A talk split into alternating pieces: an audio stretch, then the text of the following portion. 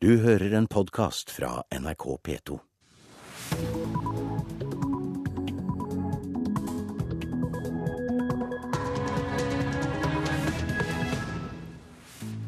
Riktig god morgen. Klokken den er 6.30, og dette er Nyhetsmorgen. Her i studio, Turi Grønbekk. I dag blir det mer om annet dette.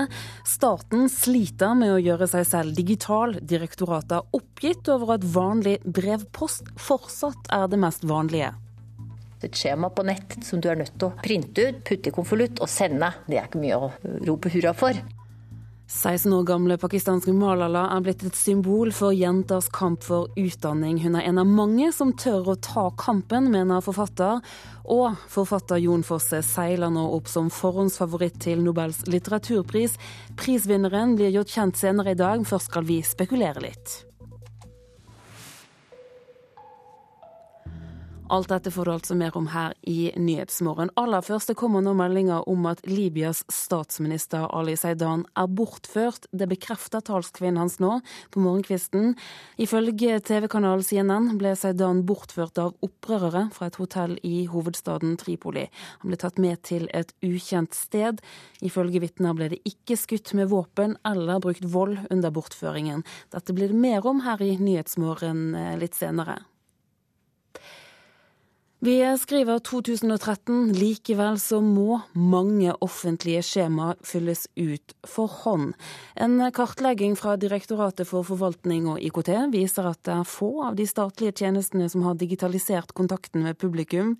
Nav er en av etatene som ber folk om å skrive ut skjema og sende tilbake med vanlig post. Konvolutter blir åpna hos Nav Skanning i Oslo. På noe som likner et postkontor, tar de imot 100 000 papir hver dag. Det er både brev som skal til Nav, og brev som blir sendt ut fra Nav. Hvis vi klarer å mate den, så tar den 130 000 konvolutter i timen. Mette Olsen i Nets har 21 ansatte som ser til at alle brev blir gjort elektroniske og sendt tilbake til Nav. Det er en god løsning fordi det er bedre enn at alt bare var på papir. Nina Auli er IKT-direktør i Nav. Det er ingen liten jobb. Etaten har fremdeles 300 ulike system som skal snakke sammen. Nav har store planer for å forenkle kontakten med publikum, men det kommer til å ta tid. Verden var annerledes før. Vi må på en måte ta oss fra der vi er til dit vi vil. Vi ønsker å jobbe for å lage løsninger som er mer digitaliserte enn dette. Dette er første trinn et skjema på nett som du er nødt til å printe ut, putte i konvolutt og sende. Det er ikke mye å rope hurra for. Det sier avdelingsdirektør Tone Bringedal i Direktoratet for forvaltning og IKT. Difi har nylig gått gjennom og sjekka hvor langt staten er kommet når det gjelder digitale tjenester. Det er fortsatt for mange skjemaer til nedlasting. Fase to er å gjøre de tilgjengelig, i hvert fall elektronisk, så du kan sende det inn. Og sånn at virksomheten kan gjøre, sende det videre og behandle den videre på en digitalt måte, som et digitalt skjema i hvert fall. Det neste er at vi begynner å lage digitale, fullstendig helautomatiserte selvbetjeningsløsninger. Bringedal kan fortelle at det er stor forskjell på hvor langt de statlige tjenestene er kommet. Noen tjenester, f.eks. på skatteområdet, så ligger vi langt, langt framme i verden.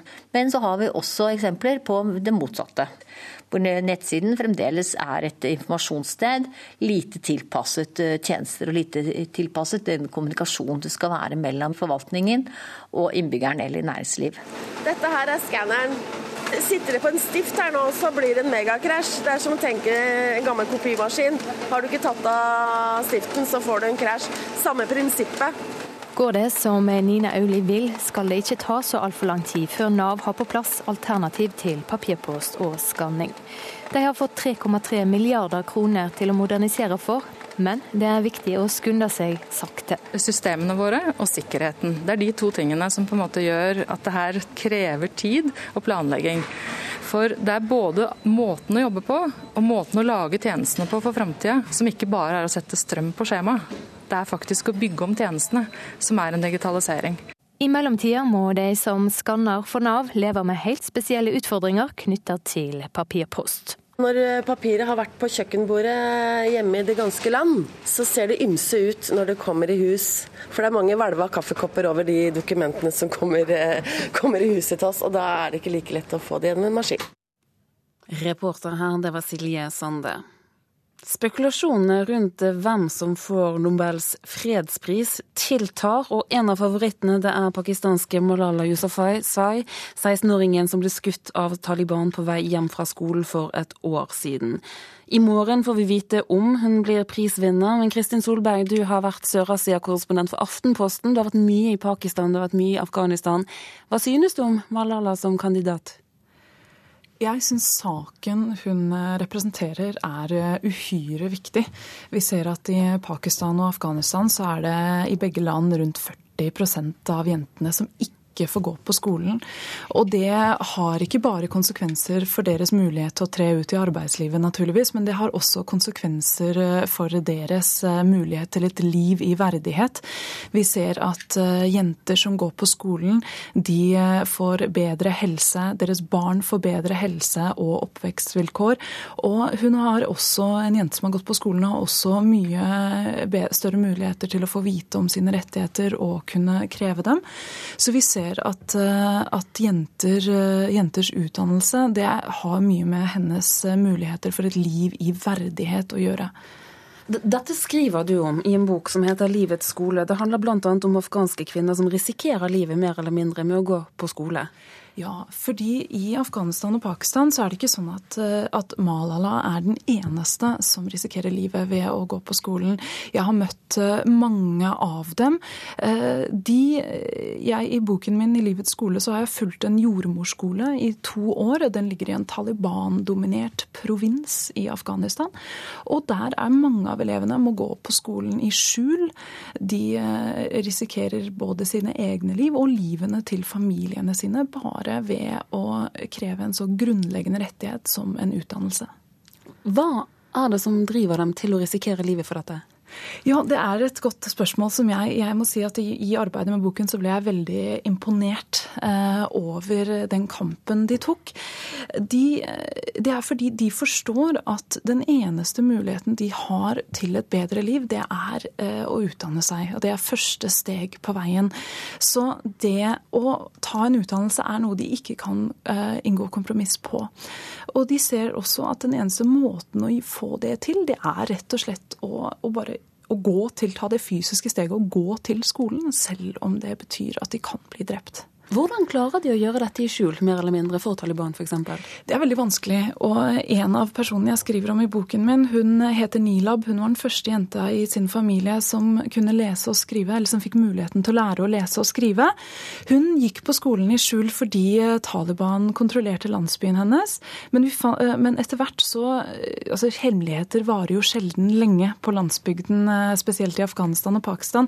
Så, så Taliban fant det ut etter hvert, og da kidnappet kidnappet de broren hennes og truet med å drepe han, med mindre de tok eh, Nilab eh, ut av skolen, noe han da måtte gjøre. Så jeg følger eh, henne og hennes brors kamp om å komme tilbake på skolen.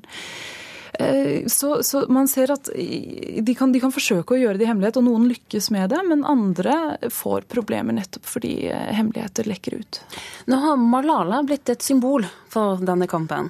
Hvordan tenker du at det kan bidra til å gjøre utdanning for jenter mer vanlig? Ja, jeg håper de gjør det. Jeg håper økt oppmerksomhet omkring dette eh, faktisk fører til endringer på bakken. Men vi ser at dette her er et tema som ikke er blitt tatt alvorlig nok av både pakistanske myndigheter i Pakistan, men også i Afghanistan så har Nato heller ikke tatt dette på alvor. Eh, de har bygget mange jenteskoler, men som sagt, fremdeles så er det nesten 50% av jentene som ikke får gå på skoler. Mye av bistanden til Afghanistan eh, fra Nato har gått på å, eh, i kampen for å sikre kampen om hjert, de såkalte hjerter og sinn i, i, den militære kampen om Afghanistan. Og så har man ikke lagt så stor vekt på, å, de mer, på det mer langsiktige målet om å investere i den neste generasjonen. Hva skal til, tenker du?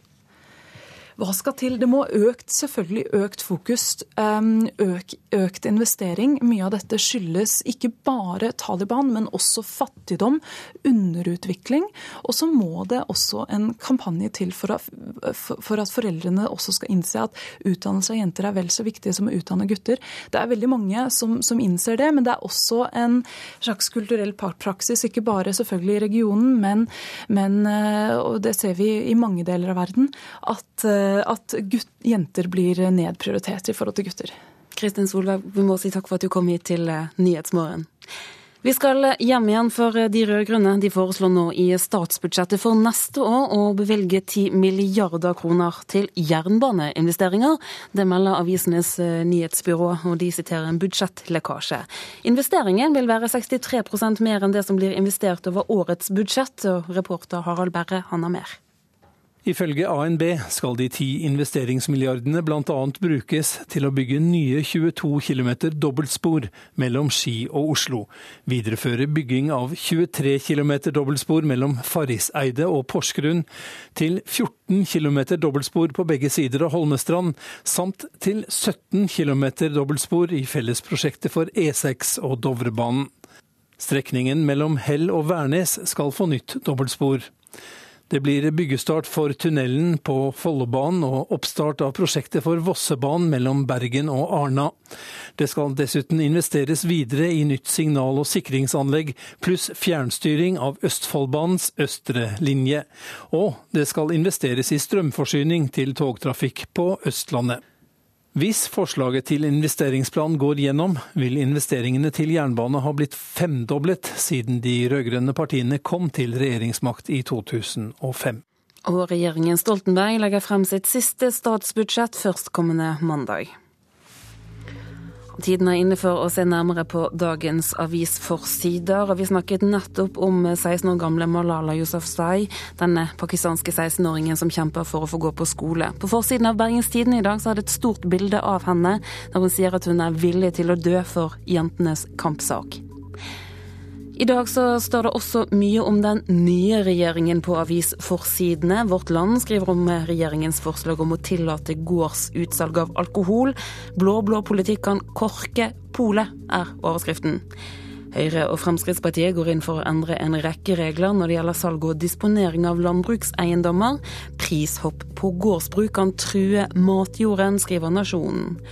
Landbrukspolitikken til Fremskrittspartiet og Høyre irriterer LO-lederen.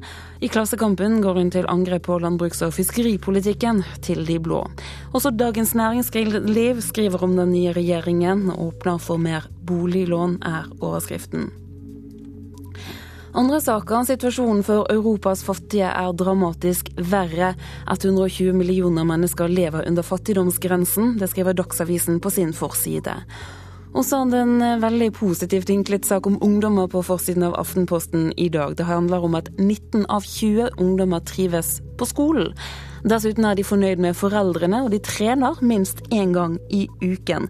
Dette er også førstesideoppslaget i Aftenbladet. Det hele er basert på en rapport som kommer i dag. Mer om ungdoms psykiske helse, det får du her i Nyhetsmorgen litt over klokken sju. Konen til eh, Egil Olsen er ute i VG og beskylder Fotballforbundet for uærlighet etter at mannen fikk sparken som landslagssjef. Rådyr helsekost er blitt milliardbutikk. I, helse, I fjor kjøpte vi helsekost og slankemidler for 2,6 millioner kroner. Det skriver Adresseavisen. Og Jens Jan Stoltenberg han tar armhevinga på forsiden av Dagbladet. Avisen skriver også om pensjon. Én million nordmenn rammes av pensjonsbombe, skriver avisen. Sjefen for herrelandslaget i fotball, Per-Mathias Høgmo, er svært hemmelighetsfull om hvilken plan han har for å slå Slovenia i morgendagens VM-kvalifiseringskamp. Han vet Slovenia har svakheter som skal utnyttes, men Norges plan den deler han ikke. Vi har en klar tanke om hvordan. Ja, det har vi. Eh, og eh, det er jo det vi øver på, på nå. Så jeg har ikke lyst til å gå på, på detaljer på det. Høgmo er opptatt av hvor Norge kan straffe Slovenia der de har svakheter, selv om han ikke vil avsløre Norges taktikk. Han vet at Slovenia er et lag som yter god motstand. Altså, de har vunnet de tre siste kampene. Eh, det er et bra lag. Det er det jo. Og har en del OK spillere. Men der er rom å utfordre. Og vi, vi skal terpe på hvordan vi skal skape sjanser og, og, og skåre mål. Slovenia er på tredjeplass i Norges gruppe i VM-kvalifiseringen med tolv poeng. Ett poeng mer enn Norge på plassen bak. Sist lagene møttes ble det seier 2-1 til Norge på Ullevål, og den kampen husker Tariq Elionossi. Vi sleit jo voldsomt, eh, vant jo på slutten på overtid der. Så det er, eh, det, det, jeg husker det var et lag med, med bra aggressivitet og med, med store spillere bak der. Ja, reporter her, det var Geir L. Kampen den kan du høre fredag klokken 20.30 i NRK P1. Nå lytter du til Nyhetsmorgen i NRK P2 og Alltid nyheter. Klokken den er 6.45. Dette er hovedsaker i dag. Libyas statsminister er bortført av væpnede menn han har tatt med til et ukjent sted. En rekke offentlige skjemaer må fortsatt fylles ut for hånd. Brevpost er fortsatt mest vanlig i flere etater. Og 16 år gamle Malala er forhåndsfavoritt til Nobels fredspris. Hun får ros for kampen hun kjemper for jenters rett til utdanning. Oslo Arbeiderparti vurderer å si ja til et totalforbud mot tigging i Oslo.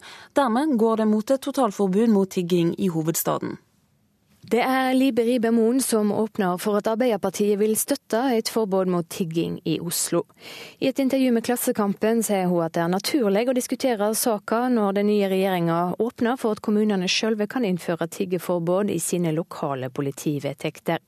Oslo Arbeiderparti kom i juni med framlegg om et forbud mot tigging sentralt i Oslo, på kjøpesenter, kollektivtransport og i boligområdet.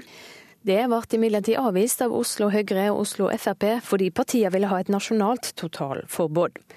Nå sier de samme partiene i sin regjeringsplattform at de vil åpne for lokale forbud, og da mener Ap sin gruppeleder Libe Ribermoen at det er naturlig å diskutere saka på nytt. Byrådet i Oslo sine alliansepartnere, Venstre og KrF, sier nei til forbud, men det blir flertall dersom både Arbeiderpartiet, Høyre og Frp går inn for det. Ja, det sa reporter Silje Sande. Det har nå gått en måned siden valget, og fremdeles svarer de fleste at de fortsatt foretrekker Erna Solberg som statsminister. Det viser Norstats siste statsministermåling for NRK. Jens Stoltenberg puster henne fremdeles i nakken, men det tar Solberg helt med ro. Nå er det min jobb å vise meg verdig den eh, støtten som jeg har fått på disse målingene tidligere. Og jeg syns det er bra at folk har forventninger, eh, og jeg håper at jeg skal innfri dem. Velgerne angrer seg ikke. 43,6% vil fortsatt ha Erna Solberg som statsminister. Det viser Norstats første statsministermåling for NRK etter valget. Har du begynt å planlegge flyttinga til statsministerboligen? Jeg er mest opptatt av å planlegge flyttingen inn i regjeringslokalene for en regjering. Det er det jeg må ha fokus på. Eh, det er, det er politikken, eh, mannskapet og gjennomføringskraften som er viktigst nå. Men medan Solberg forbereder seg på å flytte inn i regjeringsmodus, puster nåværende statsminister hun fremdeles i nakken. Neste valg så tar vi seieren. Fremdeles sier 41,9% at de helst vil gi statsministerjobben til Jens Stoltenberg. Jeg har ett mål, og det er å vinne valget i 2017. Men eh, nå skal vi konsentrere oss om det viktige arbeidet som skal skje i Stortinget. Det å være i eh, opposisjon. Eh, og det gleder jeg meg til, fordi Stortinget blir en enda viktigere plass å jobbe politisk når vi nå har en mindretallsregjering. 14,5% av de spurte svarer at de er usikre på hvem de helst vil ha som statsminister. Det tror Erna Solberg vil endre seg i hennes favør når hun kommer ordentlig i gang med jobben. Nå har det vært mange spekulasjoner, men har du flere ting klart nå enn du hadde for et par dager siden? Ja, jeg har eh, flere ting klart, men dere får ikke vite noe før eh, vi er ferdig med alt. Reporteren, det var L. Sporstøl. Scooterløyper i nærheten av et hyttefelt kan påvirke hytteprisene negativt. I en spørreundersøkelse svarer 39% av de spurte at de vil betale mindre for en hytte som ligger i hørbar avstand fra en skuterløype. Men eh, det bekymrer ikke ordføreren i hyttekommunen Rendal i Hedmark, Norvald Illevold. Nei, absolutt ikke i Rendalen, som har så store arealer å ta av. Og så har vi jo aldri noen hensikt om å legge dette i nærheten av hytteområder, eksisterende hytteområder. Men det er liksom vi har så mye arealer andre steder i kommunen som, som vi kan ta i bruk. Så dette bør være helt uproblematisk egentlig for Rendalen. Altså. Han ønsker seg scooterløype til fornøyelseskjøring, og har det store flertallet av kommunepolitikerne i Rendalen bak seg. Og med ny regjering er drømmen om scooterløyper nærmere enn noen gang. Ene eksempelet på det er at vi nå vil flytte eh, forvaltningsansvaret for motorferdsel i utfark, altså bruk av snøscooter, eh, til kommunene.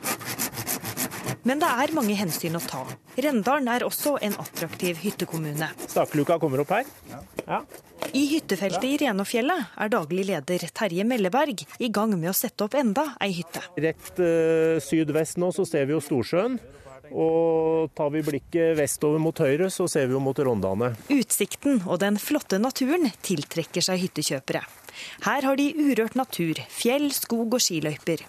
Ei scooterløype i eller tett på hytteområdet er ikke ønskelig, sier Melleberg. Det er mulig at det kan legges i nærheten av hytteområder, men eh, erfaringsmessig så, så har, vi, har, vi, sett at hvis vi kjører med, med scooter i, i skiløypene og, og eh, folk er ute og går på ski, så er de ikke veldig glad for det. Og det er mange som mener at hytteliv og scooterløyper ikke hører sammen.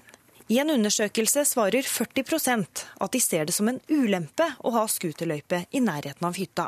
39% sier de vil betale mindre for ei hytte med scooterløype i hørbar avstand fra hytta. Kun 8% er villige til å betale mer for et slikt tilbud. Undersøkelsen er bestilt av Friluftslivets Fellesorganisasjon, som vil begrense motorferdsel i utmark. Den er utført av MMI, og 1007 personer er spurt, sier generalsekretær Lasse Heimdal. Dette stemmer brukbart med hva vi vet at folk flest mener. Naturen den vil du oppleve med stillhet og ro, og ikke med motorstøy i bakgrunnen. Ja, men Det skjønner jeg. Og jeg tror jeg vel egentlig har reagert på samme måten og svara vært av de 40 hvis de hadde vært stilt samme spørsmålet. Sier ordfører Norvald Illevold.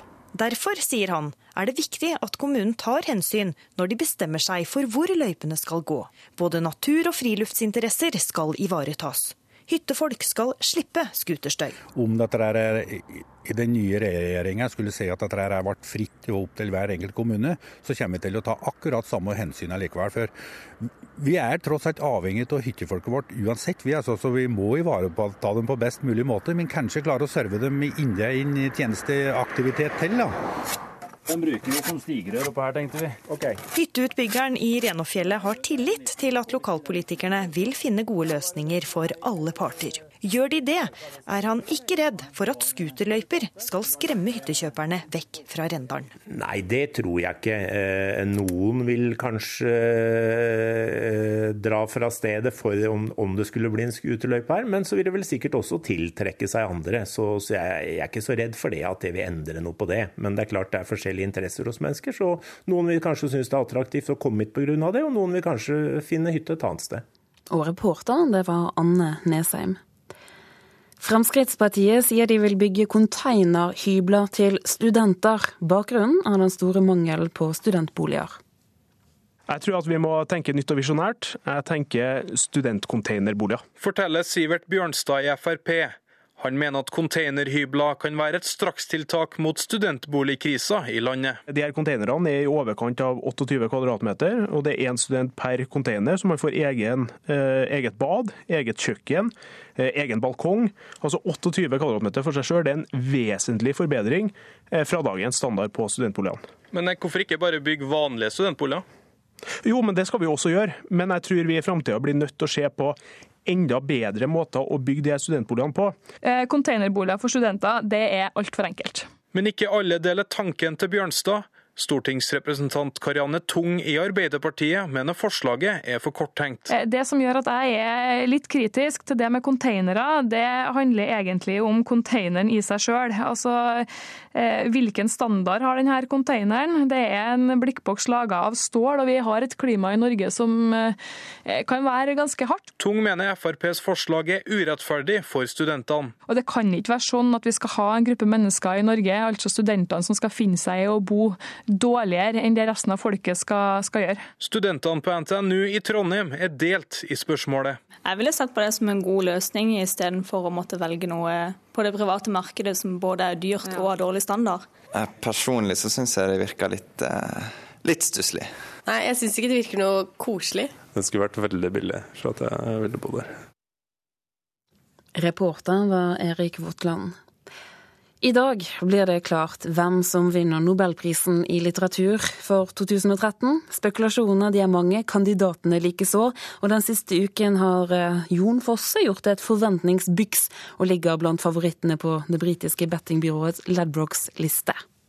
Torsdag klokka litt før ett så er vi ganske oppjagede her og løper rundt og alle PC på og radioer og håper at det ikke kommer veldig mange kunder akkurat når vi skal høre når vi skal høre Peter Engelund annonsere. Stemningen er alltid spent i bokhandelen Tronsmo i Oslo i forkant av kunngjøringen.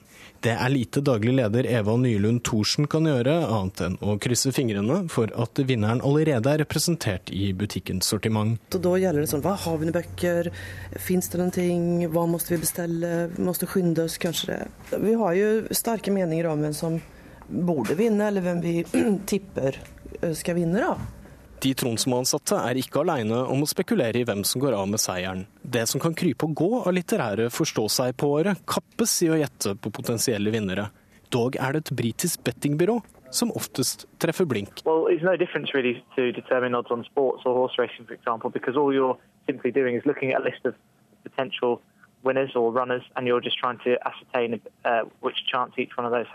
Det er ikke store forskjellen i å fastsette odds for litteratur eller fotball, skal vi tro Alex Donoghue, pressetalsmann for det britiske bettingbyrået Ladbrokes. I bunn og grunn handler det om å samle inn og bearbeide informasjon, og Ladbrokes har én designert fyr som døgnet rundt følger med på alt som blir sagt og skrevet om litteratur i ulike kanaler. Summen av dette danner en grunnodds, som igjen justeres av hvilke forfattere det blir satt mest penger på. Ja, jeg heter Alf Kjetil Valgermo. Jeg er kommentator og kritiker i Vårt Land. Jon Fosse var jo en av de som lå nede i et felt eh, blant en del andre norske forfattere, på ca. 100 odds. Der finnes vel også Karl Ove Knausgård, Per Petterson, Merete Lindstrøm og Kjell Askildsen. Mens Jon Fosse nå bykser oppover dette har da med å gjøre at eh, det kom en del store pengeplasseringer på Jon Fosse. Bettingbyråer er kanskje ikke kjent for å ha spesielt god teft for litteratur, men i de åtte åra som har gått siden Labrokes åpna for litterær gambling i 2005, har de truffet blink i 50% av tilfellene. Valgermo ser ikke bort ifra at også årets vinner gjemmer seg et sted i toppen av byråets liste. For de eh, forfatterne som har lavodds i år, så er det jo ganske sannsynlig at en av disse vil få nobelprisen, eh, enten om ikke i år, så et eller annet år om ikke så lenge. Reporteren, det var Pål Buseth. Vi skal eh, se på værvarselet. Vi gjelder frem til middag natt, og vi starter med fjellet i Sør-Norge. Her blir det kuling utsatte steder først i dag. Enkelte sludd- og snøbyger i nord, ellers stort sett pent vær. Østlandet sør for Lillehammer får periodevis stiv kuling på kysten. Det blir regn sør for Lillehammer. I formiddag nordøstlig liten kuling på kysten, og stort sett pent vær først i nord. Telemark stiv kuling på kysten, etter hvert lettere vær. I kveld nordøstlig frisk bris på kysten og stort sett pent vær. Agder får stiv kuling på kysten øst for Lindesnes. Det blir litt regn. I kveld nordøstlig liten kuling på kysten øst for Lindesnes og pent vær. Vestlandet sør for Stad nordlig sterk kuling utsatte steder. I formiddag gradvis minkning til liten kuling og pent vær. Møre og Romsdal får nordøstiv kuling i sør. Sent i ettermiddag nordlig bris og enkelte regnbyger. Snøbyger over 800 meter. Trøndelag nordvest opp i liten kuling. I kveld dreiende vestlig. Det blir regnbyger og snøbyger over 700 meter. Helgeland og Saltfjellet opp i liten kuling utsatte steder. Regnbyger og også snøbyger her over 500 meter. Salten, Ofoten, Lofoten og Vesterålen. Nordvestlig liten kuling. Sent i kveld sørvestlig stiv kuling på kysten. Det blir snøbyger også her, over 300 meter. Troms dreining til vestlig liten kuling. Det blir stiv kuling på kysten lengst i nord. Det blir regnbyger og snøbyger over 300 meter. Finnmark stiv kuling utsatte steder. I kveld sterk kuling på kysten i nord. Enkelte regnbyger og snøbyger over 300 meter. På vidda så blir det oppholdsvær. Og når det gjelder Norensjøland på Spitsbergen, så blir det stort sett pent vær. Så nevner vi bare at temperaturutsiktene viser lavere temperaturer på Spitsbergen, Østerfjells og fjellet i Sør-Norge. Du hører en podkast fra NRK P2. Statsministeren i Libya er bortført. Og Unio vil hindre at pappaperm brukes til felles ferie for familien. Her er NRK Dagsnytt klokka sju. Libyas statsminister Ali Saidan er altså bortført. Det bekrefter hans talskvinne nå på morgenen. Ifølge CNN ble Saidan bortført av opprørere fra et hotell i hovedstaden Tripoli og tatt med til et ukjent sted. Utenriksmedarbeider Jan Espen Kruse, hva mer kan du fortelle om denne bortføringen nå? Det kom en ganske stor styrke med opprørere i eh, biler til et hotell i eh, sentrum av Tripoli, der statsministeren eh, holdt til. De pågrep han. Det ser ut som en kidnapping, sier øyenvitner som var der. Det skal ikke ha blitt skutt, men han skal ha blitt ført ut til denne bilkolonnen og kjørt til et ukjent sted. Hvem kan tenkes å stå bak dette? Ja, Det er en rekke rekke opprørsgrupper, tidligere opprørsgrupper som ikke har gitt fra seg våpnene i eh, Libya. Og det kan eh, være mange mulige eh, typer opprørsgrupper, islamistiske grupper. Så det er mange som er uenige. Det er jo nokså kaotiske tilstander i Libya nå. Hvilken hensikt kan de ha med en slik bortføring? Det kan være å markere uenighet med regjeringen. Det kan ha noe å gjøre med at amerikanske kommandostyrker bortførte en Al Eh, et Al Qaida-medlem fra Libya for noen dager siden. Eh, det kan være en reaksjon på det. Mulighetene er mange. Takk skal du ha, Jan Espen Kruse. Fagforeningen Unio vil stille krav om at mor skal jobbe eller studere dersom far skal få lov til å ta ut pappaperm. I så fall vil det bli slutt på at far kan ta ut fedrekvoten mens mor blir hjemme, eller at fedrekvoten benyttes til utenlandsopphold for familien.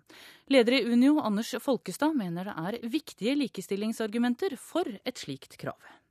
Ja, Det handler om eh, fars tilknytning til eh, heim og eh, barn.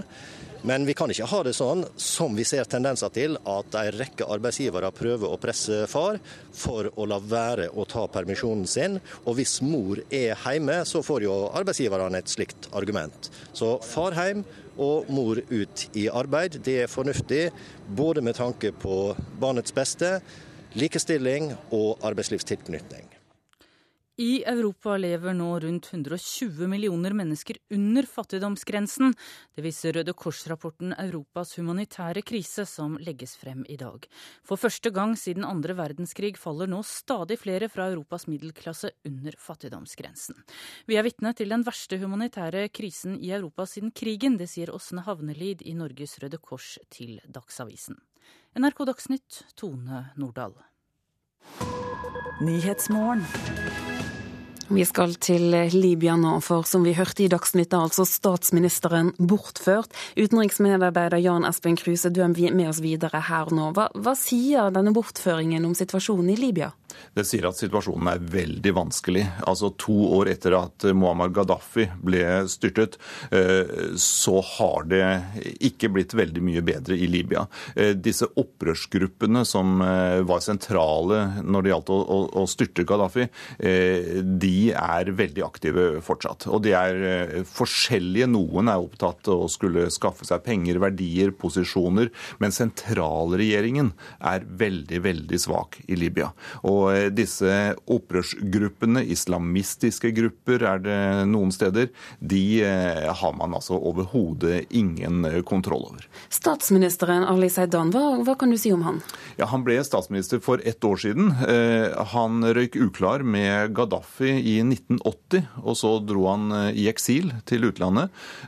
Han var med på å danne et opposisjonsparti, og kom tilbake da mm, Gaddafi ble styrtet. Sånn at eh, han, eh, han, er jo en, han er en person som er sentral, han, eh, men noen vil kanskje mene at han er for nært knyttet til utlandet. Det kan være et problem. Denne episoden som vi hører om nå, denne bortføringen, de som står bak, hvem kan det være? Ja, det kan være opprørsgrupper. Det kan være islamistiske grupper. Eh, altså, vi har jo sett at grenseområdene mellom Libya og nabolandene er helt porøse. Sånn at islamister de går over grensene som de vil. Vi så jo aksjonen i Algerie. Da kom jo disse terroristene fra Libya. Sånn at eh, det er helt uklart. Og eh, Libya har jo blitt et slags våpenlager for denne delen av eh, Afrika. Eh, våpenlagrene til Gaddafi har blitt tatt mange steder. Våpnene strømmer ut. Disse opprørsgruppene har blitt veldig, veldig sterke. Veldig, de har gode våpen. Og det, det gjør altså at de er helt umulige å kontrollere. Og de har sine økonomiske interesser. Noen har politiske ambisjoner. Det kan også være stammeambisjoner, altså at det er forskjellige stammer som har sine opprørsgrupper. Så, så det har blitt fullstendig kaos. Men, men det å bortføre en statsminister, hva kan de ønske å oppnå? Eh, det er altså bare noen dager siden amerikanske kommandostyrker pågrep en som de mistenkte for å være sentralt eh, Al Qaida-medlem eh, i Libya, uten å informere libyske myndigheter. Denne saken har altså ført til veldige reaksjoner innad i Libya. Dette at amerikanerne kommer, bare pågriper en de vil ha, fører han ut til et skip uh, ute i Middelhavet.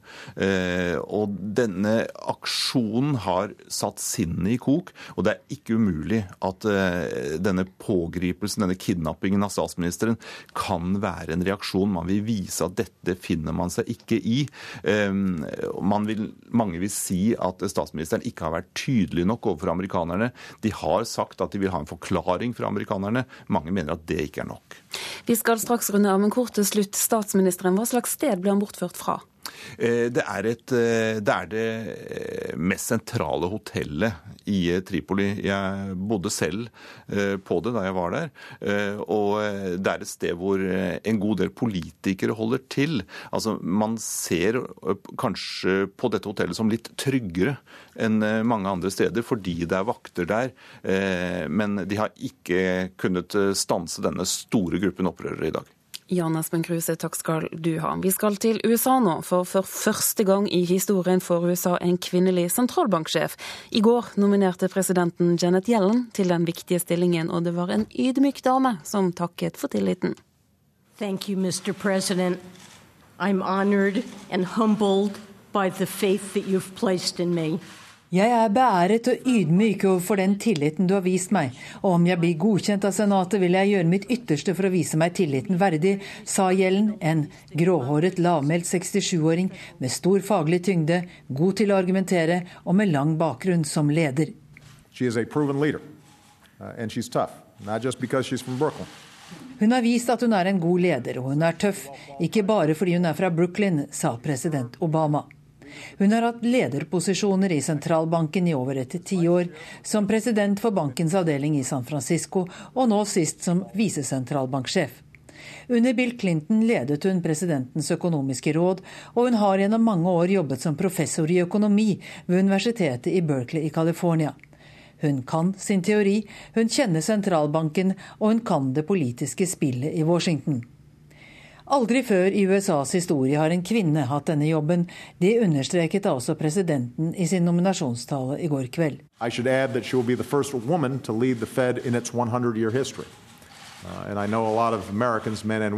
presidenten mener at Janet Yellen vil bli en god rollemodell for folk der ute, som han sa.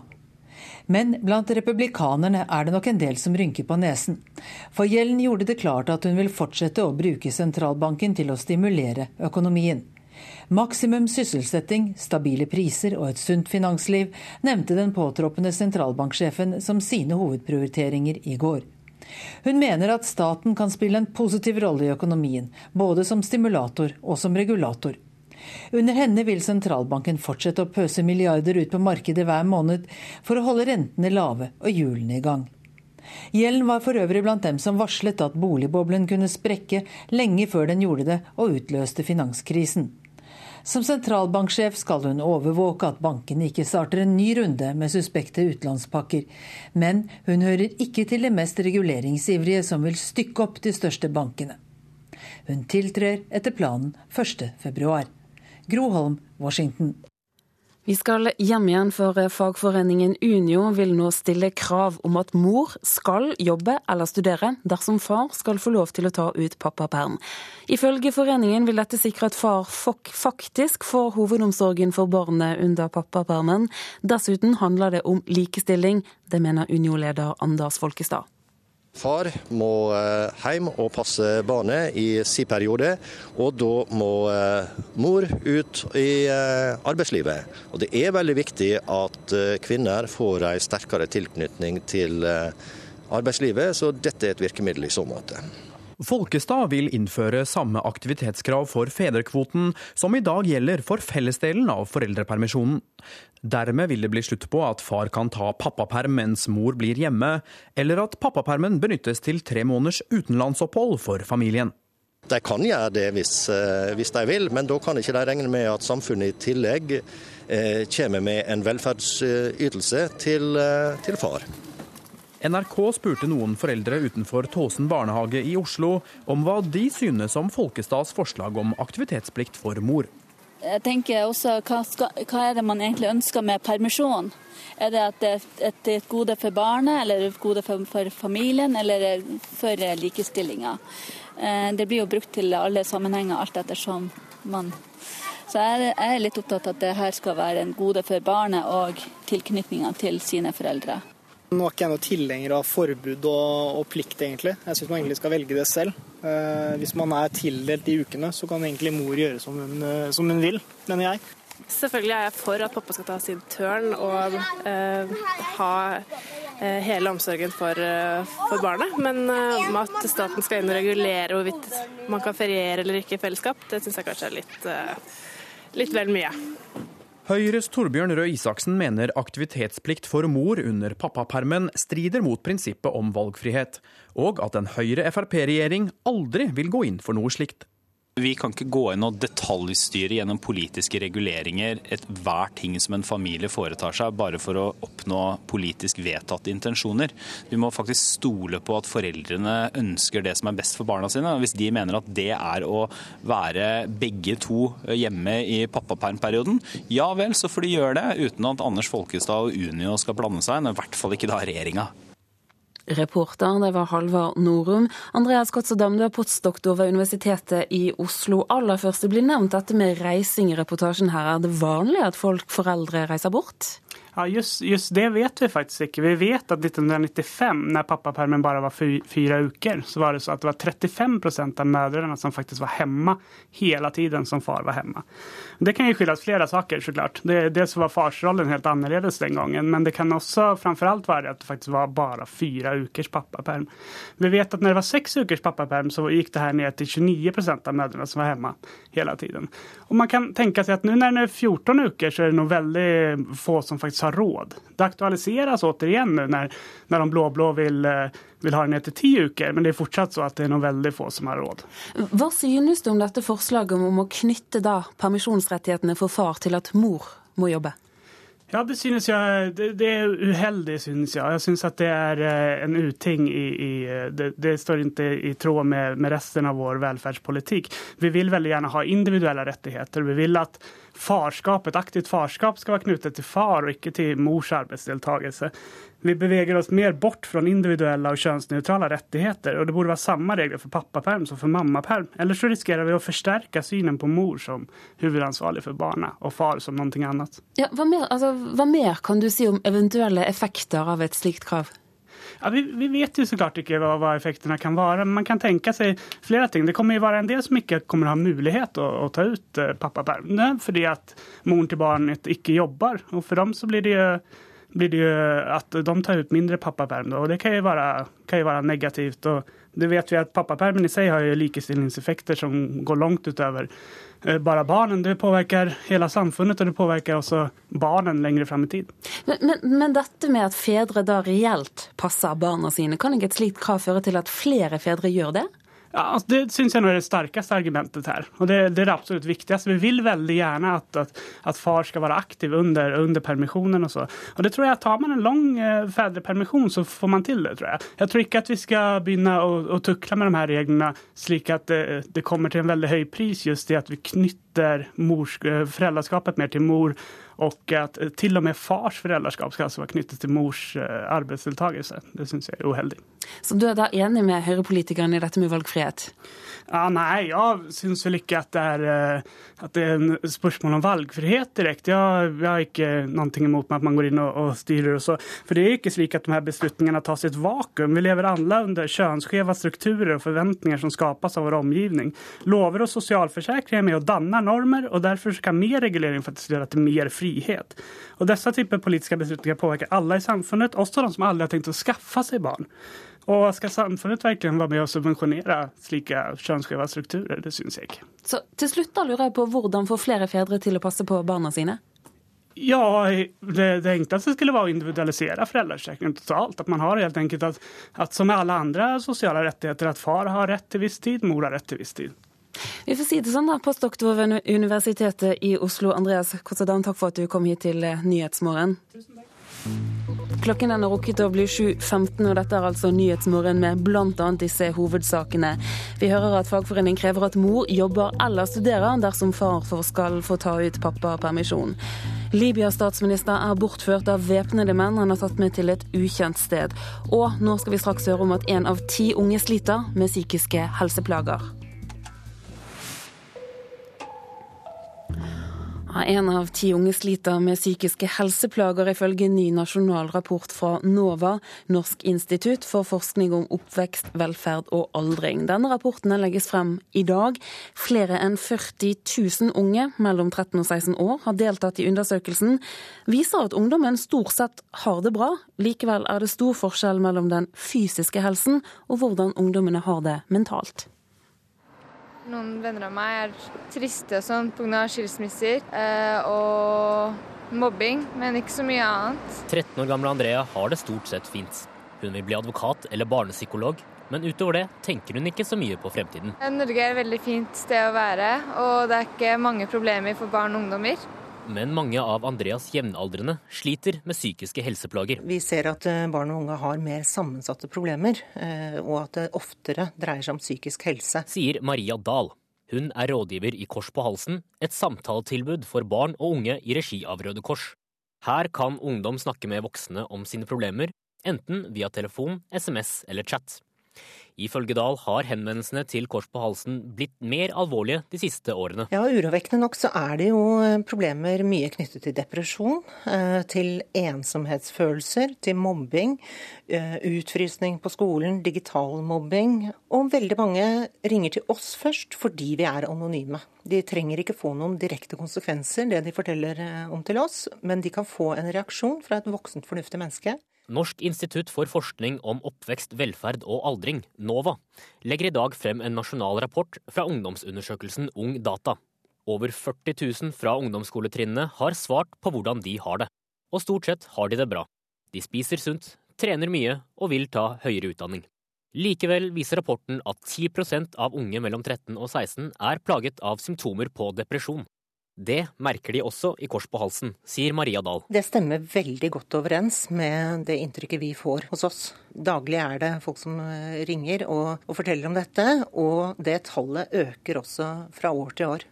Reporter her, det var Joakim Nyquist. Og denne rapporten er den største statusrapporten noen gang om norsk ungdoms psykiske helse fra NOVA. Forskningsleder for ungdomsforskning i NOVA, Anders Bakken, hva overrasker deg i rapporten? Nei, Det som overrasker meg, er at det er nokså høye tall på det vi kan kalle for uh, ungdomsstressituasjon. Altså Vi ser at f.eks. 25% av ungdomsskoleelevene i Norge de er svært eller ganske mye plaget av søvnproblemer. Nesten en tredjedel av ungdommene de er mye plaget av at de føler at alt er et slit. De bekymrer seg en del for framtida etc. Og, og vi ser at disse forskjellene, de, disse problemene, de øker utover i ungdomsskolen, og særlig på 10. trinn er det spesielt høyt, og særlig blant jenter. Hva er status når det gjelder mobbing? Når det gjelder mobbing, så har vi avdekket at det er en rundt 3-6% som føler seg at de blir plaget mye, ertet mye, frosset ut av andre barn og unge på, på skolen og, og i fritida. Og Det er omtrent det samme tallet som vi finner i andre typer eh, ungdomsundersøkelser.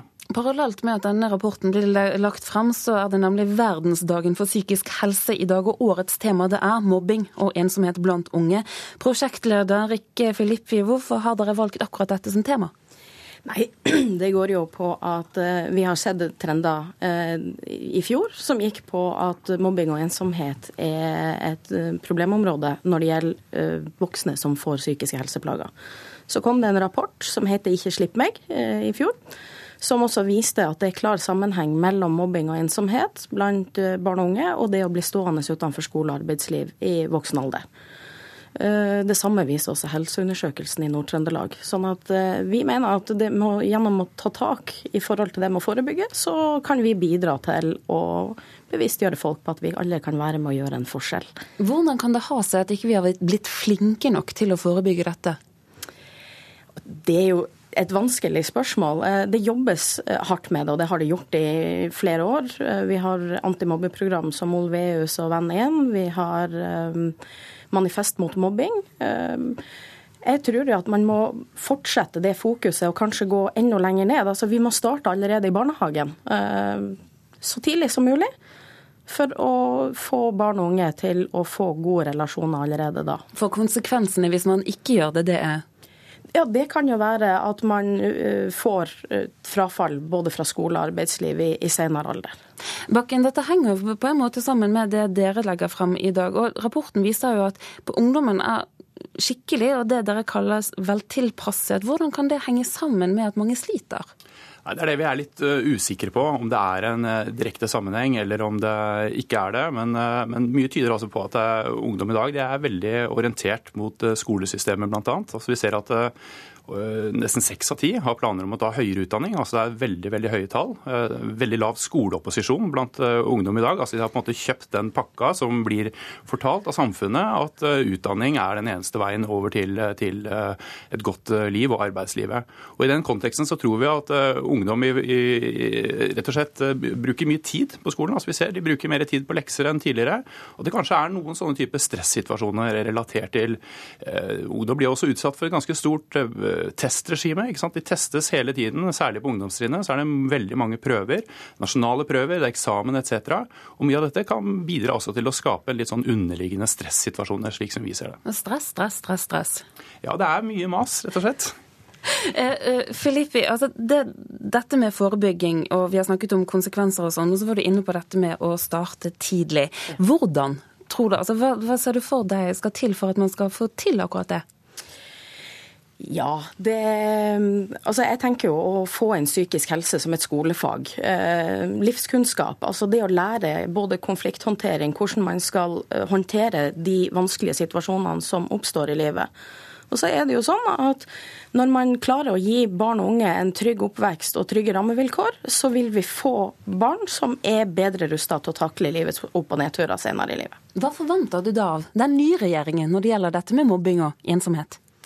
Jeg håper jo at man eh, setter et enda større fokus på det, og kanskje bruker da de rapportene som kommer nå, til å eh, og også sette i gang nyere forskning på hvordan vi tidligere kan forebygge, sånn at vi slipper nettopp de her eh, både samfunnsøkonomiske og personlige kostnadene. Ja, for Regjeringen de har jo lovet å satse mer på psykisk helse. Hvordan gjøre det best for de som er unge i dag? Jeg tror at eh, skolesystemet er et veldig viktig sted man er nødt til å starte. Det å jobbe med dette i skolesystemet og også prøve å huske på å ha en, en, en, fin balanse mellom dette testregimet og dette, det, det, stresset det skaper, og det som er de gode læringsprosessene. Vi må si takk for at dere var med her i Nyhetsmorgen, Anders Bakken og Rikke Filippi. Tiden er nemlig inne for å se nærmere på dagens avisforsider. Vårt Land skriver om den nye regjeringen og forslaget om å tillate gårdsutsalg av alkohol. Blå-blå politikk kan korke polet, er overskriften. Høyre og Fremskrittspartiet går inn for å endre en rekke regler, bl.a. når det gjelder salg og disponering av landbrukseiendommer. Prishopp på gårdsbruk kan true matjorden, skriver Nasjonen. Og landbrukspolitikken den irriterer LO-lederen. I Klassekampen går hun til angrep på landbruks- og fiskeripolitikken til Fremskrittspartiet og Høyre. Også Dagens Næringsliv skriver om den nye regjeringen i dag åpner for mer boliglån, er overskriften så blir situasjonen for Europas fattige dramatisk verre. 120 millioner mennesker lever under fattigdomsgrensen. Det skriver Dagsavisen på sin forside. Som vi hørte her i Nyhetsmorgen akkurat nå, det har kommet en ny rapport som handler om ungdoms psykiske helse. Den blir lagt frem i dag. Dette er basis for flere saker i avisen i dag, bl.a. i Aftenposten, som skriver at 19 av 20 ungdommer trives på skolen. Og dessuten er de fornøyd med foreldrene, og de trener minst én gang i uken. Rådyr helsekost er blitt milliardbutikk. I fjor kjøpte vi helsekost og slankemidler for 2,6 milliarder kroner. Det skriver Adresseavisen. Konen til Egil Olsen er ute i VG og beskylder Fotballforbundet for uærlighet etter at mannen fikk sparken som landslagssjef. På forsiden av Bergens Tidende i dag så er det et stort bilde av Malala Yousafzai, denne pakistanske 16-åringen som kjemper for å få gå på skole. 'Villig til å dø for jentenes kampsak' er overskriften i Bergens Tidende. Og Dagbladet skriver om pensjon. En million nordmenn rammes av pensjonsbombe, skriver avisen.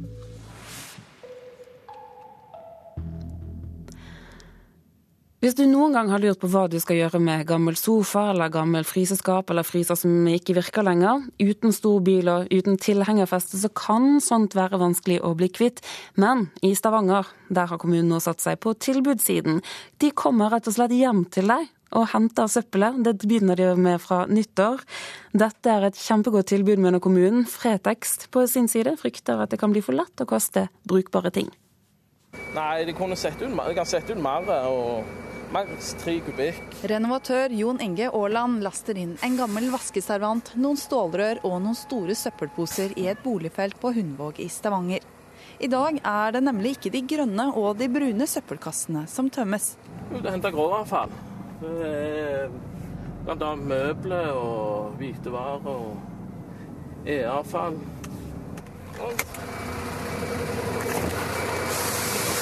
Det er fremdeles mørkt når han og kollega Stian Paulsen henter frysere, TV-er og kjøleskap i en av bydelene som har hatt ordningen en stund. Men fra nyttår utvides tilbudet, og hele Stavanger får litt ekstra søppelservice. Det som er så bra, det er at det er så lettvint for folk. Det forteller Rudolf Meisner, jeg er fagsjef for innovasjon i Stavanger kommune. Han håper at også resten av Norge følger etter. Og først ute er nabokommunen Sandnes, som får full søppelservice neste august. Nå har jo også da Sandnes begynt med, med, dette her. Og jeg kan nok si at vi er vel først i dette landet med dette flotte tilbudet. Og jeg tror nok at også andre byer og kommuner i Norge kommer til å følge etter etter hvert. Og selv om ordningen tilsynelatende ikke koster noen ting for innbyggerne, så syns det i kommuneregnskapet. Selvfølgelig koster sånne ting. Vi regner sånn ca. 100 kroner per abonnent, altså per husstand, som det koster per år. Det er bakt inn i ditt renovasjonsgebyr, så du har allerede betalt for dette her. Så du må bare bruke den tjenesten. Det er jo mange som setter ut mer enn nødvendig, eller mer enn det de har lov å sette ut, men som oftest tar vi det uansett. Det syns jeg er en veldig god løsning. Det sier Dag Refling i Huseiernes Landsforbund. Selv om eh, noen som sagt da har bil, så er det ikke sikkert at de har stor nok bil til å få det fjernet. Og det er et veldig praktisk problem. Miljømessig er det bra, for da er man sikker på at eh, ting som ikke skal brukes, eller som skal resirkuleres, faktisk kommer eh, på rett sted. Eh, og det er en veldig god eh, service overfor innbyggerne i en kommune. Men at det blir så enkelt å hive ting, er ikke bare bare, mener Berit Marie Gilje. Hun er daglig leder for Fretex Vest-Norge. Det er jo et veldig bra tilbud som Stavanger kommune har. Og sett fra vår side så, så, ser vi at det kan bli en utfordring for oss for at vi ikke kan få tak i de tingene som vi ønsker å ha. For vi tenker jo veldig mye ombruk og gjenbruk, og det er antageligvis noe der som kan være brukt. Så kanskje ikke blir det da godt til ombruk. Men ikke alt forsvinner i forbrenningsovnen, sjøl om sjansen er stor når avfall står ute over natta før henting. Og Det som er brukbart, det hiver vi til byttebua. Ja, Så dere gir til eh, gjenbruk? Ja. Det er møbler. Hvis det er noe som, som vi føler at det er brukbart, så leverer vi det til byttebua. Men ikke alltid det er noe til byttebuer sånn, så det har stått ute i reggen eller noe, da, da går det rett i forbrenninga. Er det noen ganger du tenker at dette burde du ikke ha hivet i, dette kunne, kunne, jeg ha brukt? Ja, det er jo mye så jeg òg kunne tenkt meg av det, men jeg får ikke lov av nå. Reporter her, det var Inger Johanne Stenberg. Du lytter til Nyhetsmorgen i NRK P2 og Alltid nyheter. Vi fortsetter straks med siste nytt fra Dagsnytt. Og I løpet av sendingen i dag så har vi til nå bl.a. hørt at Høyre er helt uenig i forslaget fra Unio om å stille krav om at mor skal jobbe eller studere for at far skal få ta ut pappaperm. Dette blir det debatt om i Politisk kvarter klokken 7.45. Produsent for Nyhetsmorgen i dag, det er Eli Bjelland. Her i studio Turi Grønbekk.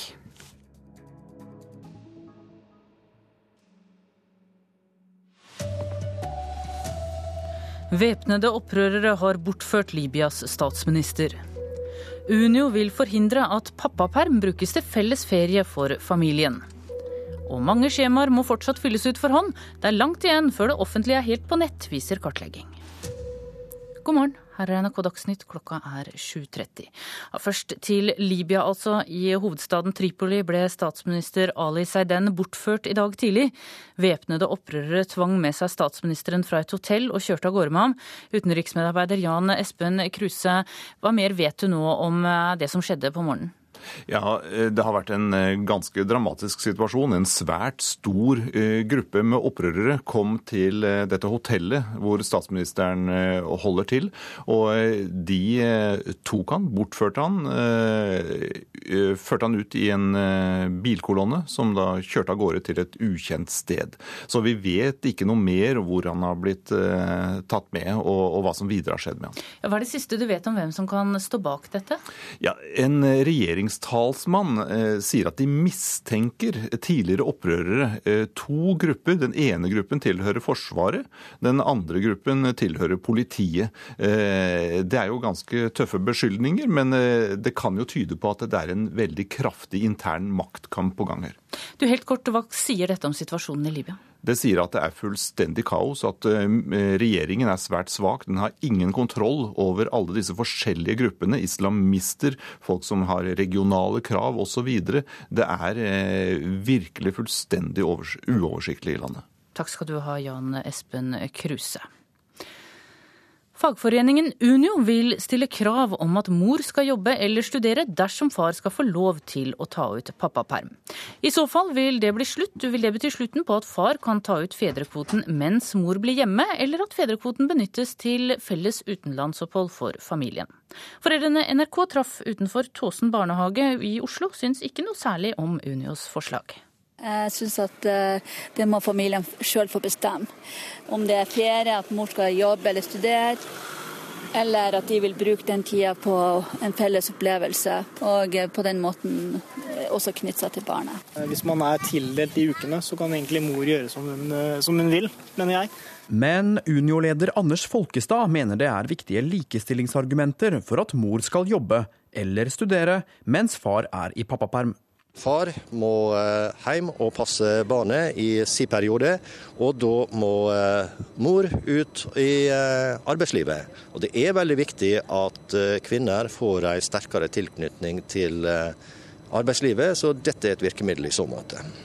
Men det spørs om Folkestad får særlig gjennomslag for aktivitetskravet.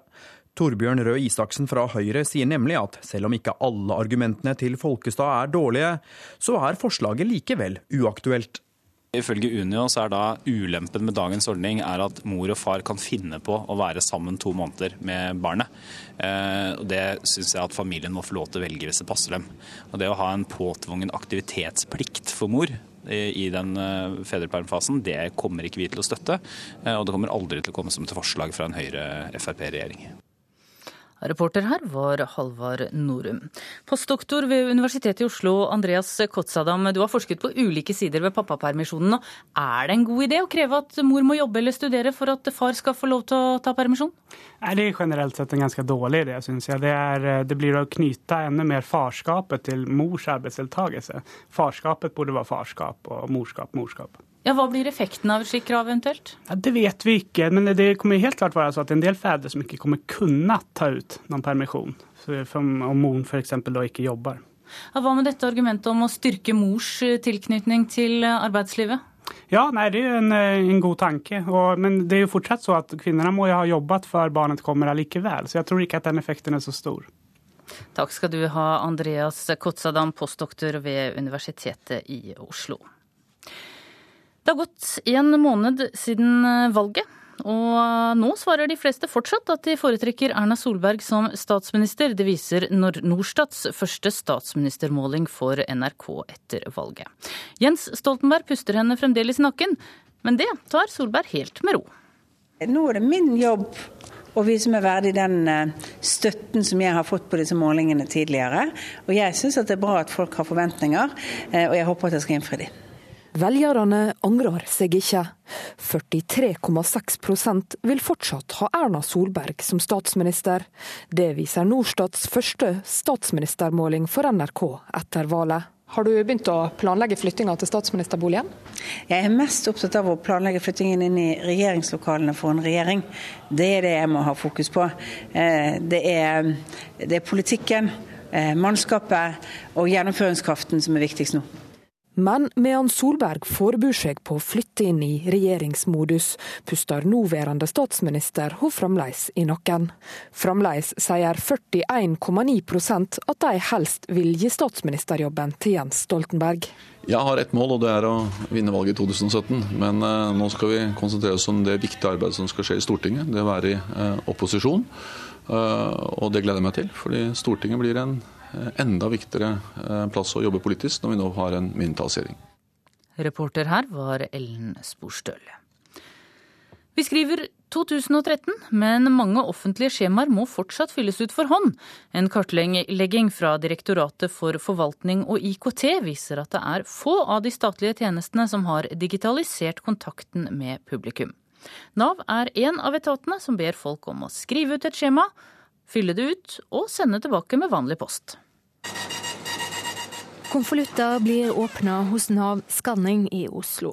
På noe som likner et postkontor, tar de imot 100 000 papir hver dag. Det er både brev som skal til Nav, og brev som blir sendt ut fra Nav. Det er en god løsning, fordi det er bedre enn at alt bare var på papir. Nina Auli er IKT-direktør i Nav. Etaten har fremdeles 300 ulike system som skal snakke sammen. Nav har store planer for å forenkle kontakten med publikum, men det kommer til å ta tid. Verden var annerledes før. Vi må på en måte ta oss fra der vi er, til dit vi vil. Et skjema på nett som du er nødt til å printe ut, putte i konvolutt og sende. Det er ikke mye å rope hurra for. Det sier avdelingsdirektør Tone Bringedal i Direktoratet for forvaltning og IKT. Difi har nylig gått gjennom og sjekka hvor langt staten er kommet når det gjelder digitale tjenester. F.eks. på skatteområdet så ligger vi langt, langt framme i verden. Men så har vi også eksempler på det motsatte. Nav er best i klassen på enkelte felt, bl.a. pensjon, men har altså også mange skjema som kommer inn per post. Og Det kan være en utfordring for Mette Olsen og de andre i Nets som driver med skanninga. For det er mange hvelva kaffekopper over de dokumentene som kommer, eh, kommer i huset til oss, og da er det ikke like lett å få det gjennom en maskin. Reporter her var Silje Sande. Hver tiende ungdom her i landet sliter med psykiske helseplager. Det viser en rapport fra NOVA som legges frem i dag. Over 40 000 unge mellom 13 og 16 år har deltatt i undersøkelsen, og ungdom har det stort sett bra. Likevel er depresjon utbredt. Depresjon er eh, litt tabubelagt blant ungdom. Eh, det er ikke så lett å snakke om det og innrømme overfor andre ungdom at de er eh, deprimerte. Maria Dahl er rådgiver i Kors på halsen, et samtaletilbud for barn og unge i regi av Røde Kors. De mottar mange henvendelser fra barn og unge som har det vanskelig mentalt, men som selv ikke vil betegne seg som deprimert. Det å innrømme at man sitter ofte alene og føler seg ensom, og at man eh, ofte gråter pga. det, og at man får søvnproblemer og sånt noe, det er ikke lett å stå fram med i en venneflokk der eh, veldig mye er fokusert på at man skal være vellykket. Man skal være flink, og man skal være blid og populær, og man skal kunne takle og mestre livet. Og når man ikke gjør det, så blir det ekstra problematisk. Og det er mange som har psykiske helseplager. En ny rapport fra NOVA, Norsk institutt for forskning om oppvekst, velferd og aldring, viser at over 10% av unge mellom 13 og 16 år har symptomer på depresjon. Det som overrasker meg, er at det er nokså høye tall. Sier forskningsleder i NOVA, Anders Bakken. Rapporten har kartlagt mer enn 40 000 personer på ungdomsskolenivå. Nesten en tredjedel av ungdommene føler at alt er et slit. De bekymrer seg en del for framtida. Og vi ser at disse problemene de øker utover i ungdomsskolen, og særlig på tiende trinn er det spesielt høyt. Og særlig blant jenter. Reporter i dette innslaget var Joakim Nyquist. I Europa lever om lag 120 millioner mennesker nå under fattigdomsgrensen. Det viser Røde Kors-rapporten Europas humanitære krise, som legges frem i dag. For første gang siden andre verdenskrig faller nå stadig flere av Europas middelklasse under fattigdomsgrensen. Over 3,5 millioner mennesker i Europa mottar mat fra Røde Kors, skriver Dagsavisen. Ansvarlig for Dagsnytt-sendingene denne morgenen er Anne Skårseth. Det tekniske ansvaret har Beate Haugtrø. I studio Tone Nordahl.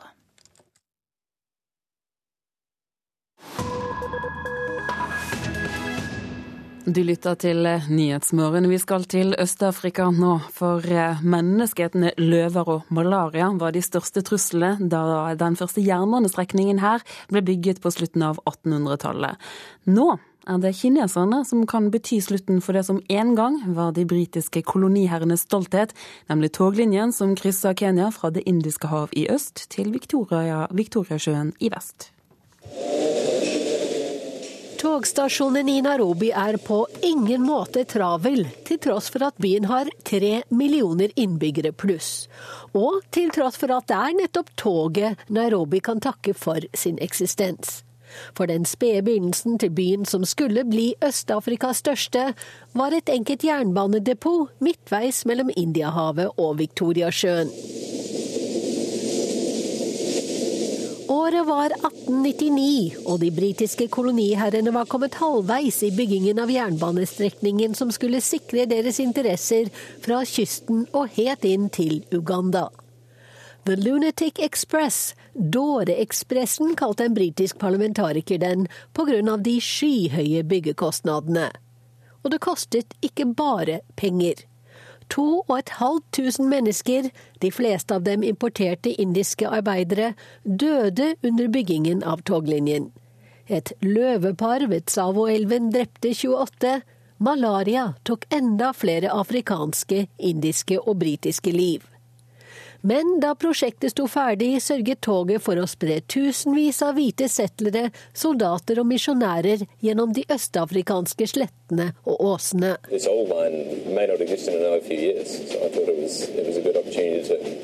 Tim Hall sitter på et nesten tomt tog fra Nairobi til kystbyen Mombasa. Han gjør det for å oppleve den historiske reisen før det er for sent. De fleste turister foretrekker en knapp times flytur i stedet for en overnattingstur på 14-15 timer med tog.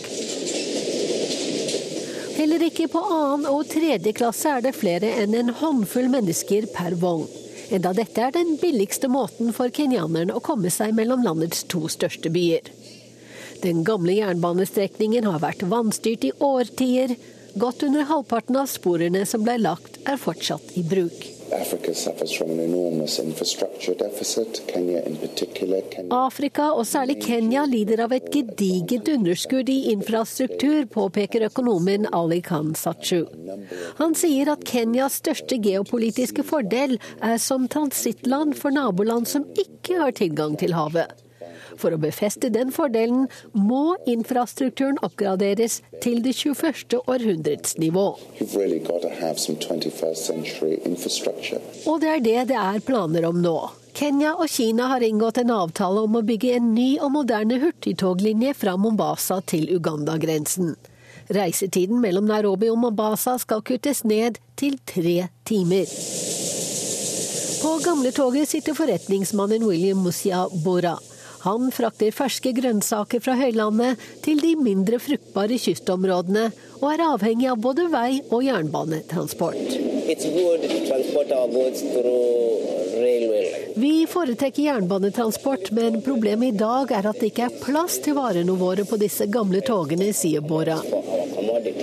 Med økt kapasitet for frakt på det nye kenyansk-kinesiske prosjektet og veiutbedringer, mener kenyanske myndigheter at det blir hele 79% billigere å frakte varer gjennom Øst-Afrika. Og da er det ikke så mange som beklager seg over at tiden til den legendariske Dåreekspressen er i ferd med å renne ut. Reporter her, det var Wenche Eriksen.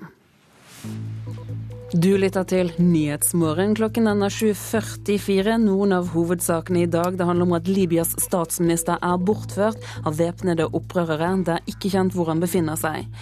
Norsk ungdom sliter med depresjon. Én av ti unge sliter med psykiske helseplager. Og en rekke offentlige skjemaer må fortsatt fylles ut for hånd. Brevpost er fortsatt mest vanlig i flere etater. Det er tid for Politisk kvarter når programleder Bjørn Myklebust og den nye regjeringen de lover et bedre helsevesen, mens den gamle tviler på akkurat det. Helseministeren er her, og nå kan du bare bekrefte med et nikk. Han som blir helseminister, er her. Han bare smiler. Og så skal vi diskutere om mor bør tvinges i jobb når far tar ut pappaperm.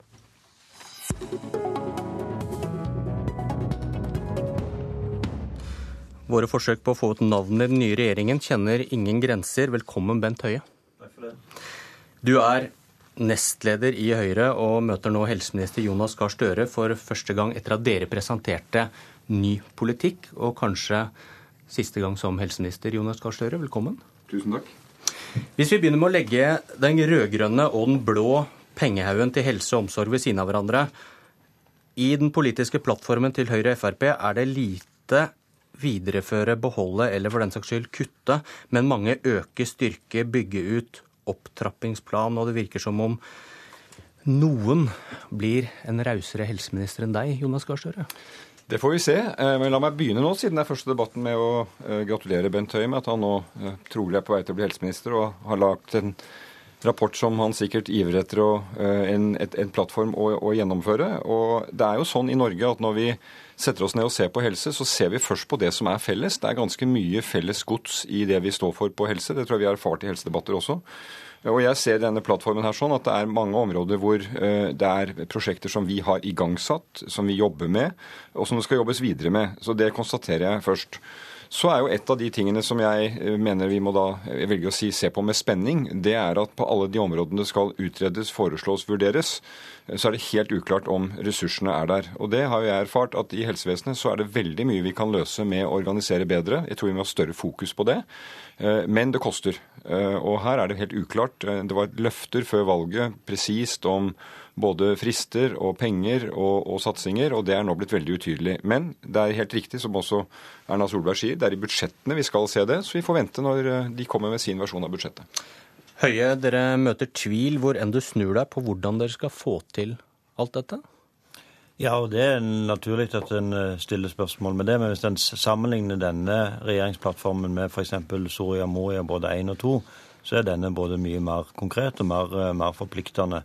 Men det er uansett sånn at det er i de årlige budsjettene, det er i de sakene som en regjering fremmer for Stortinget, at politikken blir, blir, gjennomført.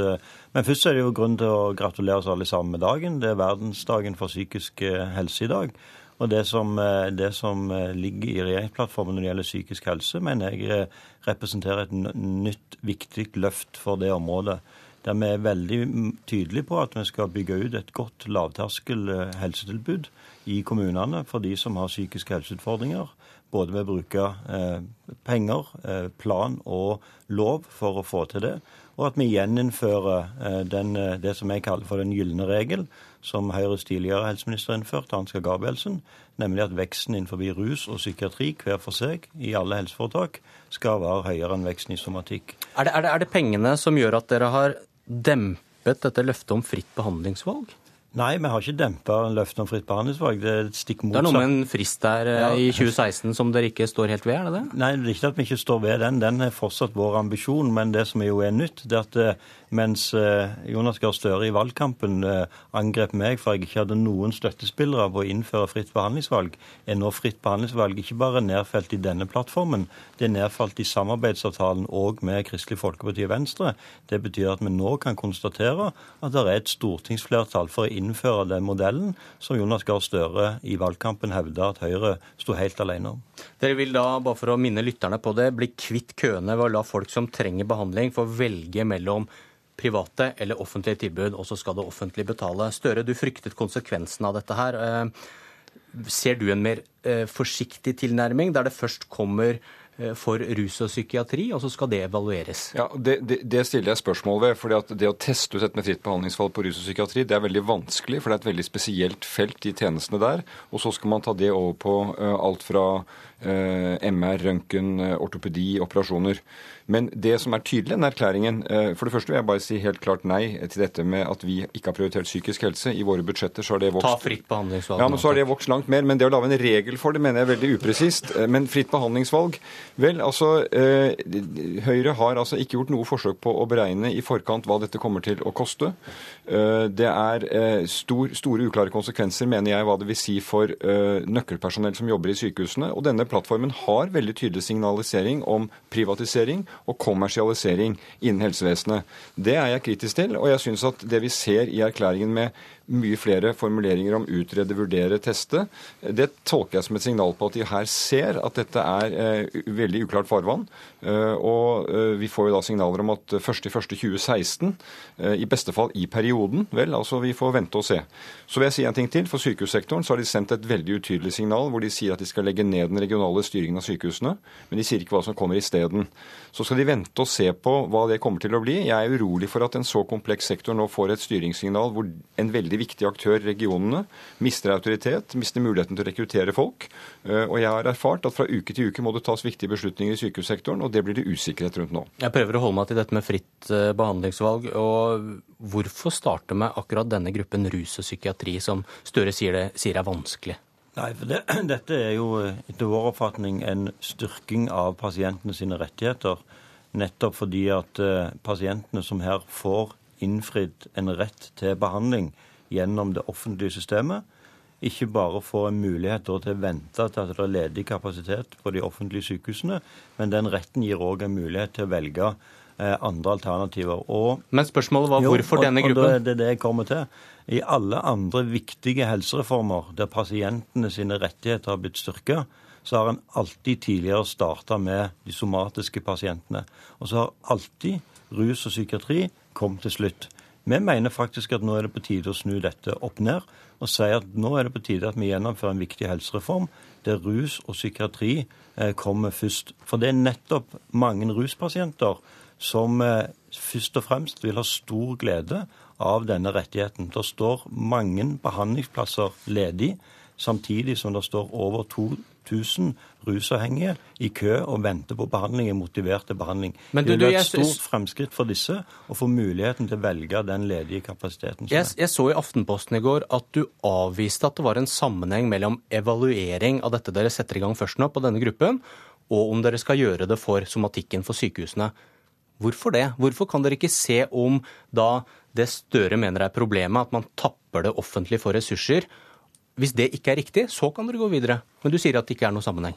Nei, Den evalueringen den skal vi ha en, som en følgeevaluering. Og hvis det da, eh, og der som vi skal høste erfaring mens vi innfører dette for rus og psykiatri, og gjør justeringer i den eh, modellen som vi da eh, legger fram. Men det er ikke sånn at vi skal innføre dette for ruspsykiatri, vente i mange år på en evaluering, for så å gjøre det i somatikken. Og det er jo litt morsomt at en på den ene siden kritiseres for at vi ikke skal gjøre dette raskt nok, men på den andre siden mener at vi egentlig burde ha venta flere år før vi innførte dette. Nei, men det er ikke det vi kritiserer. Det er, det er dobbeltkommunikasjonen mellom at her kommer det en stor reform, og så når den først skal nærme seg, så er det helt uklart hvordan den skal finansieres, hvordan den skal gjennomføres. Vi trenger en satsing på rus og psykiatri, og vi er i gang med den. Og det med psykisk helsevern på denne dagen for psykisk helsevern, eh, det for psykisk helse, det handler om å bringe de tjenestene lenger ut i kommunene, nærmere, tidligere hjelp. Og Her er denne erklæringen også ganske utydelig på mange områder. Det står at man skal styrke tilbudet nær folk. Det står ikke noe om presisering i forhold til rekruttering av psykologer i kommunene.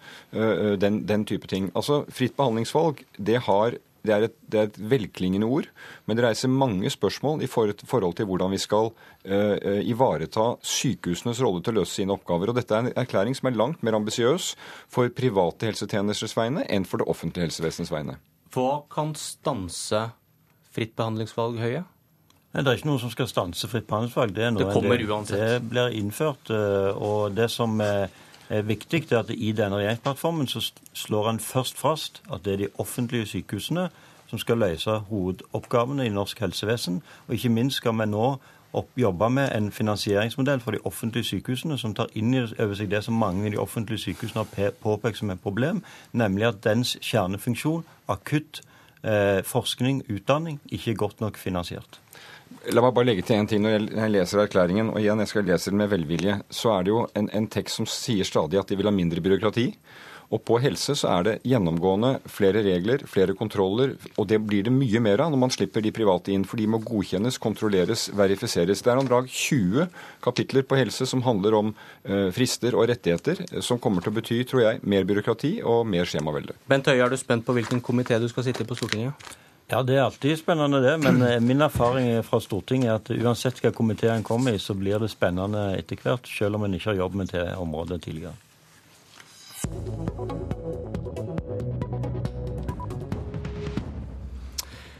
Leder i Unio, Anders Folkestad. Hvorfor vil du tvinge mor i jobb når far har pappaperm?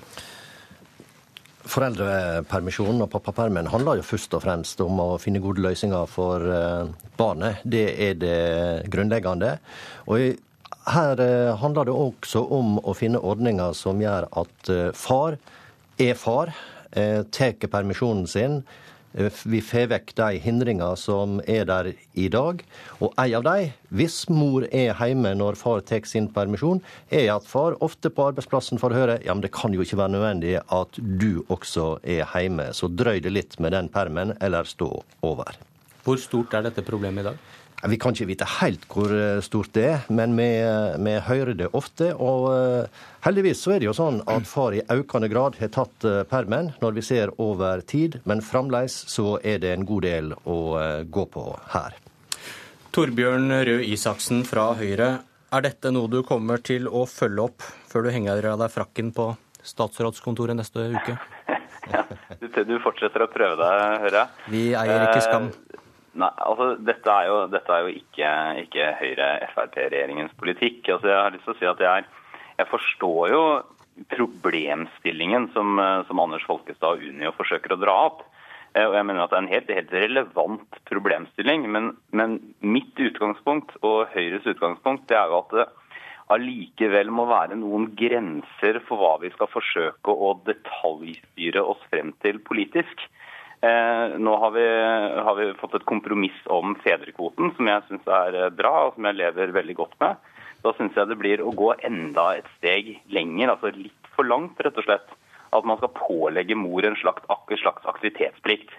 Eh, og jeg holdt på å si Det verste som kan skje, det er jo at to foreldre er hjemme med barnet i en periode. At de kanskje, ja, hvis de har muligheten til det, reiser bort sammen eller er hjemme og har tid sammen som familie jeg ser ikke på det som en veldig stor trussel, må jeg innrømme. Det, det gjør ikke jeg heller. Egentlig så, så, er det jo sånn at uh, Småbarnsforeldre det, det, er en gruppe som uh, sliter både med tid og økonomi ofte, så, så der kunne det ha vært gjort uh, mer. Men når det en gang er sånn at en har en, en begrensa ordning, Eh, så bør en jo se på effektene av den. Og eh, Da oppfatter jeg det sånn nå at du i hvert fall er enig om at det er bra at far kommer hjem. Og så er det jo slik i, eh, i regjeringserklæringa at det er mange dømmer på incitament for at arbeidslinja skal virke, at vi skal få kvinner Eh, tettere opp i arbeidslivet. Og dette er ett lite virkemiddel i, eh, i, den sammenheng som jeg hadde kanskje trodd at det kunne være aktuelt for Røe Isaksen å støtte. Jeg, jeg, jeg, tror uenigheten vår går vel litt på Jeg hørte en i innslaget til NRK som sa at vi må, vi må bestemme oss for hva er foreldrepermisjonen til for, og hvem er den til for. Er den til for å oppnå eh, likestillingspolitiske mål? Er den til for familien? Er den til for barnet? Og jeg vil si at Først og fremst så er jo da foreldrepermisjonen der sånn at foreldrene skal ha tid til barnet. Eh, og Det mener jeg er det aller viktigste. Og Det er grunnen til at jeg også er skeptisk til at man skal gå inn og nå ha, eller at Unio foreslår at man skal ha mer detaljstyring og nærmest da ikke bare nærmest, men presse da, eller tvinge, en aktivitetsplikt som gjør at mor må være ute i den perioden hvor far har permisjon. Det er andre ting med foreldrepermen som kan være verdt å se på. F.eks. så er det noen urimelige utslag og noen forskjeller fortsatt mellom hvordan menn og kvinner har det. Men jeg syns dette her, eh, ja, dette her går, går, litt for langt synes jeg, i å detaljstyre det som burde være et valg for familien, og som jeg syns fungerer helt greit i dag også. Jeg er enig i at det er noen andre forhold uh, som en burde se på. Fars rettigheter uh, samla sett. Jeg er også enig i at selvsagt så handler dette om barnets beste, men når en en gang har en slik ordning, så burde det jo være politisk fornuftig å se på konsekvensene av den, virkninga totalt sett. Og da er det i tillegg til barnet så er det to forhold. Det ene er eh, at eh, far tar sin del av eh, omsorgsansvaret, og at vi holder fast på at kvinner skal ha en sterk tilknytning til arbeidslivet. Det er god familiepolitikk, det er godt for barnet, og det er god likestillingspolitikk. Torbjørn Røe Isaksen, du får ha batteri på telefonen hvis Erna ringer. Du trenger ikke lade mobilen, Anders Folkstad, det er jeg rimelig sikker på. Tusen takk for debatten. Politisk kvarter er slutt. Jeg heter Bjørn Myklebust. Nå fortsetter snart Kulturnytt etter en nyhetsoppdatering på P2. Du har hørt en podkast fra NRK P2.